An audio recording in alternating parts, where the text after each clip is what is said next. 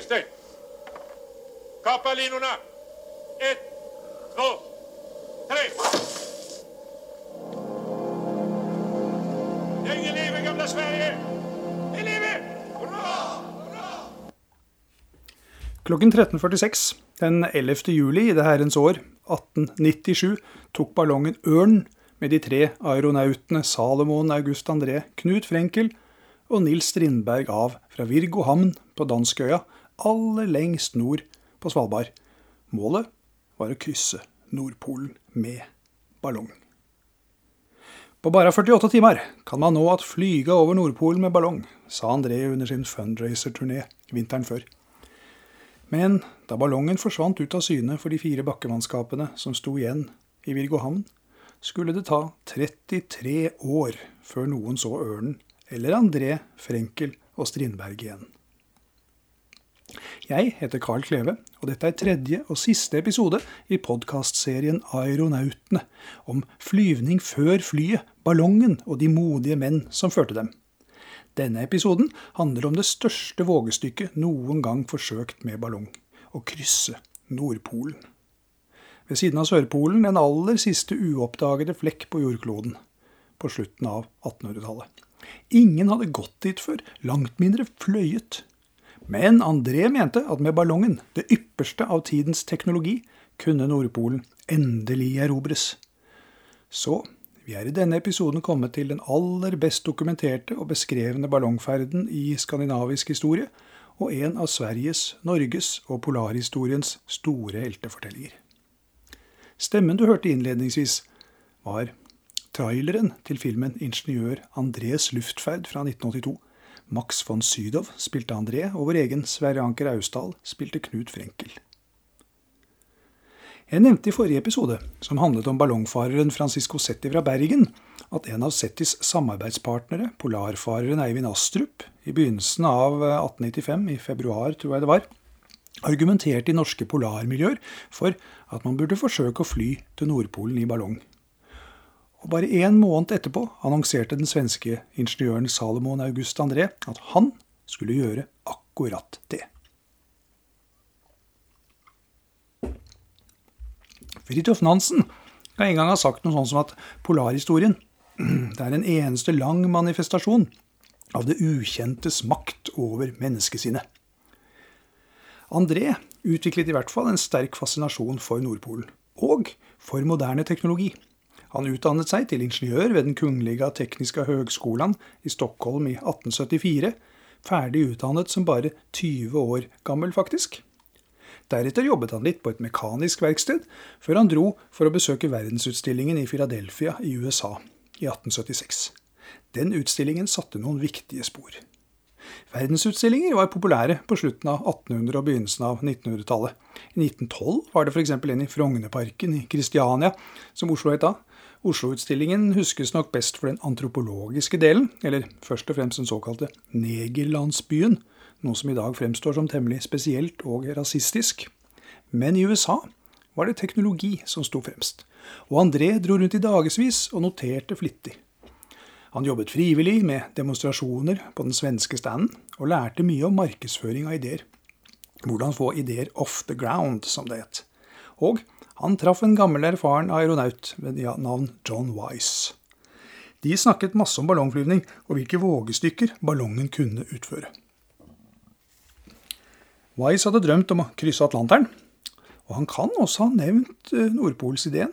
I hvert fall så skrev han om den i en artikkel i New York Times i 1879, tre år etterpå. Og han skulle egentlig også ha tatt André med på svenskens første ballongtur. Men begge forsøkene avlyste Wise rett før fordi han ikke likte været. Wise var opptatt av å ta været på alvor. En lekse André muligens ikke tok til seg så mye som han kanskje burde. Selv om erfaringene bidro til å gi ham en sterk interesse for meteorologi. Uansett, André dro hjem igjen etter verdensutstillingen og fikk seg jobb på patentkontoret i Stockholm. Her jobbet han altså med å vurdere oppfinnelser og patenter. Spydspissen av den teknologiske utviklingen i Sverige. Helt frem til han forsøkte å nå Nordpolen i 1897. Men allerede i 1882, etter bare noen veldig få år i jobben, fire år snaut, så tok han permisjon for å bli med på en forskningsekspedisjon til Svalbard.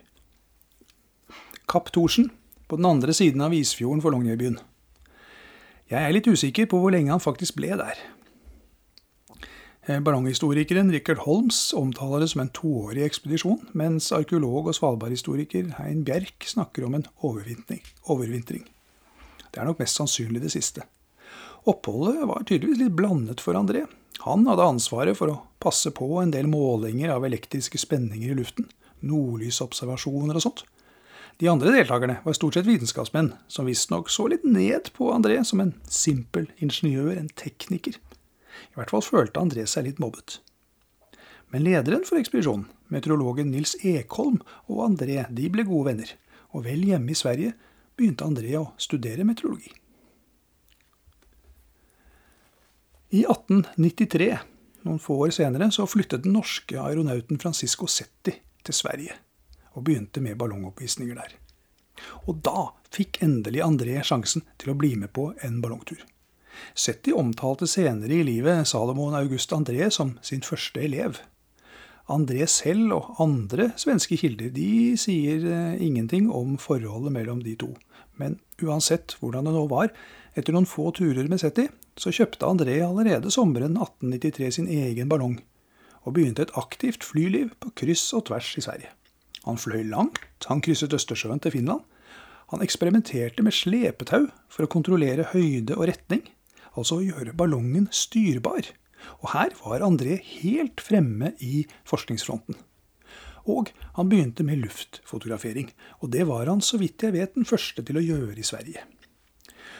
Og ganske snart drømte han om å reise tilbake til Svalbard og fly derfra til Nordpolen. Han fikk med seg sin meteorologvenn Ekholm pluss fotografen Nils Strindberg. Og så fikk han støtte fra den kjente svenske polarfareren Nordenskjöld, og tilgang til å presentere sine planer i det svenske vitenskapsakademiet i februar i 1895. Og da hadde han fløyet ballong halvannen sommersesong. Ikke så veldig lenge, med andre ord, men lenge nok til å få store ideer. En ekspedisjon til Nordpolen, og bruke ballong for å nå dit intet menneske før hadde vært, men hvor verden forventet at Sverige skulle lede an, som han la det frem. Ideen ble kjempepopulær. André hadde lært innsalg, som dere husker, under verdensutstillingen i USA i 1876, How to get your ideas off the ground. Dynamittmilliardæren Alfred Nobel bidro med penger. Og det samme gjorde kong Oskar 2. og mange andre svenske rikfolk. Nok penger til at André kunne spesialbestille en gigantisk ballong fra Frankrike. Like stor som den berømte ballongen Le Géant, giganten, til Felix Nadar, han som hadde ledet ballongkorpset under beleiringen av Paris i 1870-71. Den var 6000 kubikkmeter stor. Et trippellag med kinesisk silke 30 meter høy og 25 meter bred, og jeg tror de målene gjaldt minus kurv. Enda høyere med kurv, altså. Ballongen het selvsagt Nordpolen. Og sommeren 1896 dro de lengst nord på Svalbard til Danskøya, hvor de fant en flott havn med utsikt nordover, som de kalte Virgo havn, etter skipet som fraktet dem dit. André hadde mest tro på hydrogen som drivstoff, den letteste gassen som finnes så de hadde med seg utstyr til å lage hydrogen. Jern, svovelsyre og sjøvann var det på plassen. Og de bygget en hangar til ballongen, brakker til seg selv. Forberedelsene hadde vært omfattende, og André planla flere nyvinninger. I tillegg til slepetauene planla han å bruke tre seil til å hjelpe til med å gi ballongen både fart og styringsdyktighet. Fotograf Strindberg hadde jobbet sammen med kameramakeren Numa Petterson i Stockholm for å lage et fotoapparat som skulle kunne stå imot arktisk klima. En annen nyvinning var et regneverk som kunne påføre fotografiene automatisk dato og klokkeslett. Og den kunne fotografere i stereo. Stereobilder. André regnet med å tjene gode penger på å selge bilder av Nordpolen, som alle skulle kunne få se, sånn at alle skulle kunne få se det som intet menneske før hadde sett. Dessverre uteble vinden totalt sommeren 1896. Ekspedisjonen hadde dratt fra Stockholm med 40 000 mennesker på kaia til å ta avskjed. Massevis av pressefolk besøkte Virgo havn gjennom sommeren, turistskip likeså. Og André ga mange pressekonferanser. 1896 høres temmelig lenge siden ut, men det var mye rundt André-ekspedisjonen som jammen høres temmelig moderne ut også. 16. august ga han opp og dro hjem til Sverige. Med ballongen mellom bena, sa den norske forfatteren Alexander Kielland litt hovent. For like før André ga opp, hadde nemlig Fridtjof Nansen kommet hjem.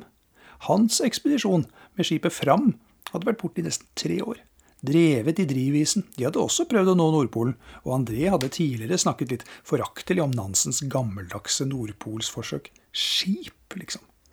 Men her var han til og med tykkere enn da han dro, mens den overlegne svensken måtte gi opp. Nansen nådde ikke Nordpolen, han heller, men han kom lenger enn noen før ham. 84 grader nord.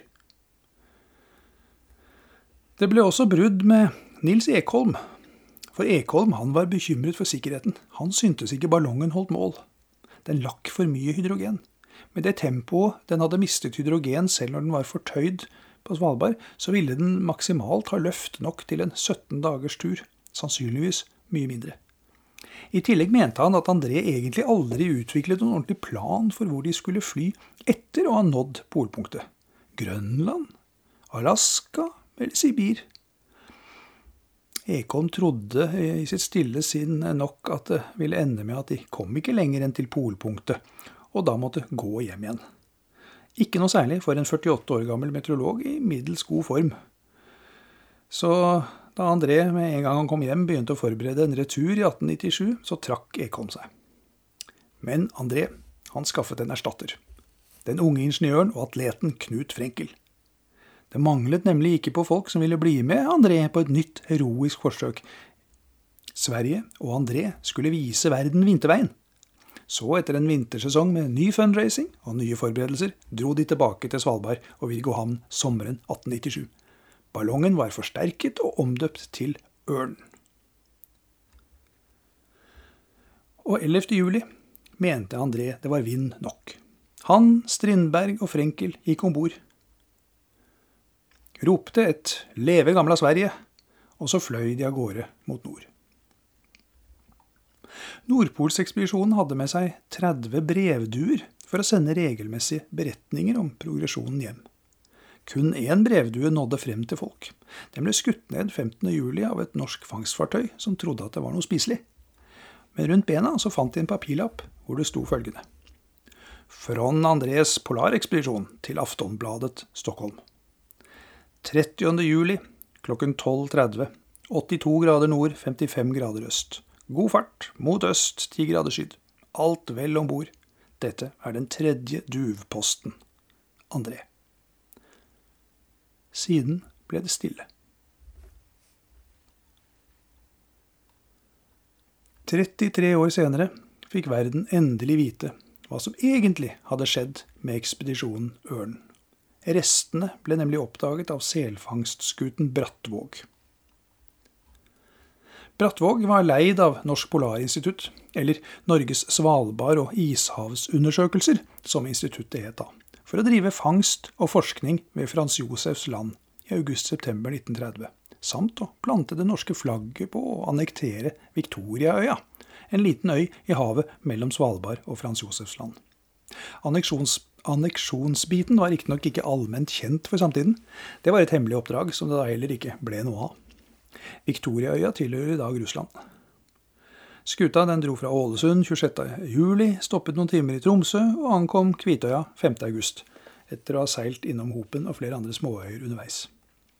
På Kvitøya fant de rester etter menneskelig aktivitet, og de var ikke lenge i tvil om hva de fant en kjelke, blikkboks, en liten båt av seilduk, noen halvråtne tøyfiller, resten av ballongen var det, og benrester av to lik. André og Strindberg. På noen av gjenstandene sto det stemplet 'Polarekspedisjon' eller 'André', så det var liten tvil. Mysteriet om hvor det ble av André Frenkel og Strindberg og ballongen Ørnen, var løst. 8.8.1930 forlot skuta Kvitøya og seilte til Victoriaøya seks mil lenger øst for å plante det norske flagget, samt en liten tur innom Frans Josefsland enda 17 mil lenger østover. Men samme dag som de dro ut fra Kvitøya, så møtte de en annen norsk skute, Terningen. Jeg vet ikke hva den egentlig gjorde der, men terningen snudde uansett med en gang for å seile til Tromsø og fortelle verden om funnet. Terningen kom til Tromsø 22. august, mens Brattvåg seilte mot Norge og ankom Hasvik i Finnmark først den 30. august, og så videre til Tromsø den 2. september, hvor meldingen om funnet av André-leiren allerede hadde vekket enorm oppsikt. Og når Brattvåg ankom Tromsø, kunne folk få se de fysiske bevisene. Men allerede 27. august eh, seilte skuta Isbjørn mot Kvitøya, lastet med pressefolk, for å undersøke leiren og ta med seg så mye som mulig hjem. Den svenske regjeringen ble raskt orientert om funnet, og begynte å planlegge hjemhentingen av de tre aeronautene. Imens sendte journalistene om bord på Isbjørn daglige, lange meldinger hjem til sine aviser. Funnene og hva de avdekket om ekspedisjonens skjebne, ble førstesidestoff over store deler av verden i ukevis.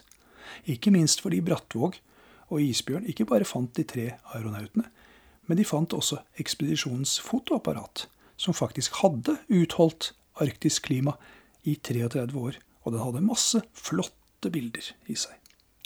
Og så fant de Andres dagbok. Papiret hadde også holdt seg godt. Og hva som skjedde etter at ørnen hadde forsvunnet nord for horisonten, står detaljert fortalt i dagboken. Og i den så kunne man lese at den første dagen, 11. juli 1897, det hadde gått bra. De fløy 400 km nordøstover.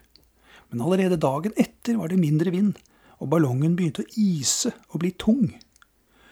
Og 13. juli var det bare så vidt de greide å holde seg over bakken. Og 14. juli var det stopp. 82 grader og 56 minutter nord kom de. Hadde de vært i stand til å fly rett nordover, hadde vinden båret dem faktisk rett nordover, så hadde de bare hatt 20 mil igjen til polpunktet da de landet. Men dessverre så viste styrbarheten seg å være mye mindre enn André hadde håpet. De fløy først nordøstover, og deretter rett vest, og så litt mer nordøst. Og det ble rett og slett for mye hit og dit så da ballongen la seg til ro på isen for siste gang, måtte de heller prøve å gå tilbake igjen. Det var fortsatt altfor langt igjen til Nordpolpunktet. Men det å gå tilbake viste seg også fryktelig vanskelig. Det var åpne råker, det var drivis, og det var skruis. Så de drev i alle retninger, og endte ofte opp med å, selv om de gikk, prøvde å gå sydover, å havne lenger nord enn de satte ut fra den ene dagen til den andre.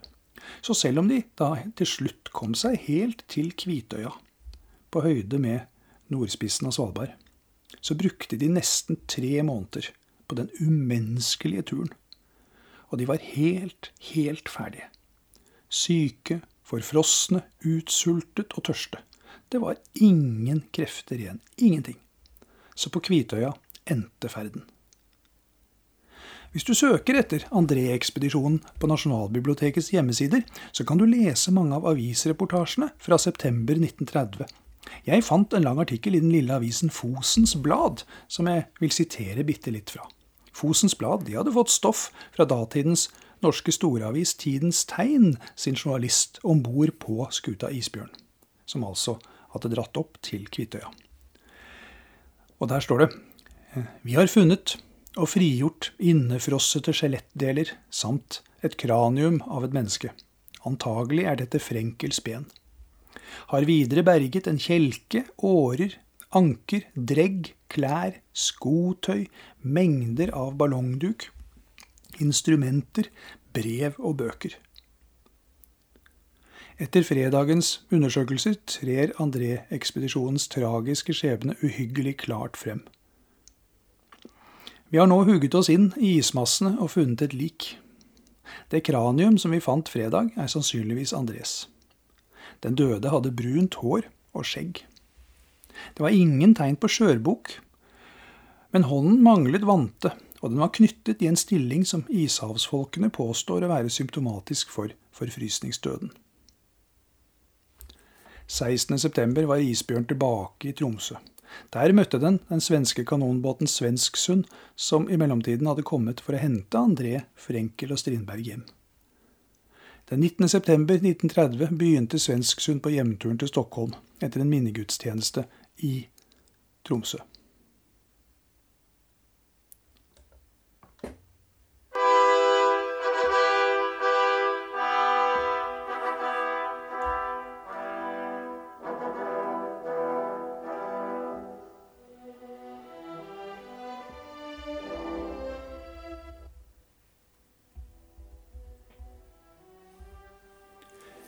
Svensksund stoppet kort i Ålesund og Stavanger og Gøteborg.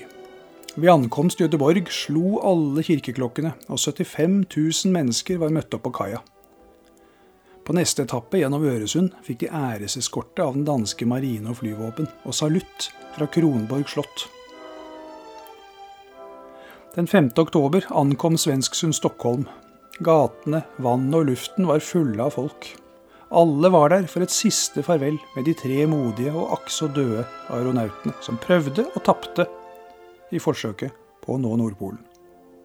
33 år etter at de forsvant med ballongen Ørnen, ble de stedt til hvile i Storkyrkan i Sveriges hovedstad. De tre aeronautene ble kremert og begravet på Norra kyrkogården. Restene av ballongen og alt det andre som ble funnet sammen med likene på Kvitøya, ble stilt ut noen få uker etter til enormt besøk.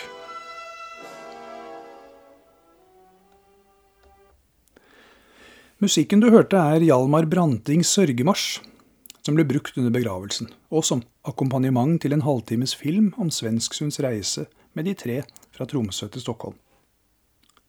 Og året etter begravelsen, i 1931, ble det opprettet et eget André-museum i hans fødeby Grennå. Er du på Sverigetur, så kan du dra innom og se resten av ekspedisjonen den dag i dag, og alle fotografiene de tok, som ble funnet i kamera. Ballongen Ørnens ferd mot Nordpolen og mysteriet som ble oppklart 33 år etterpå, er også rammen rundt en veldig spesiell kjærlighetshistorie.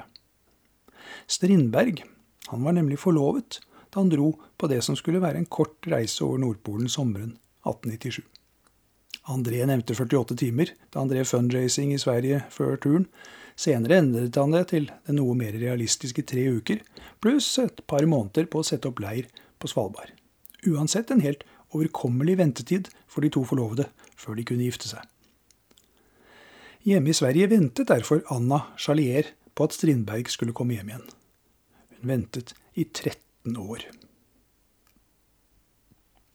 Før hun endelig ga opp og giftet seg med en annen i stedet. Gilbert Hawtery het han, og hun flyttet med ham til hans hjemland Storbritannia.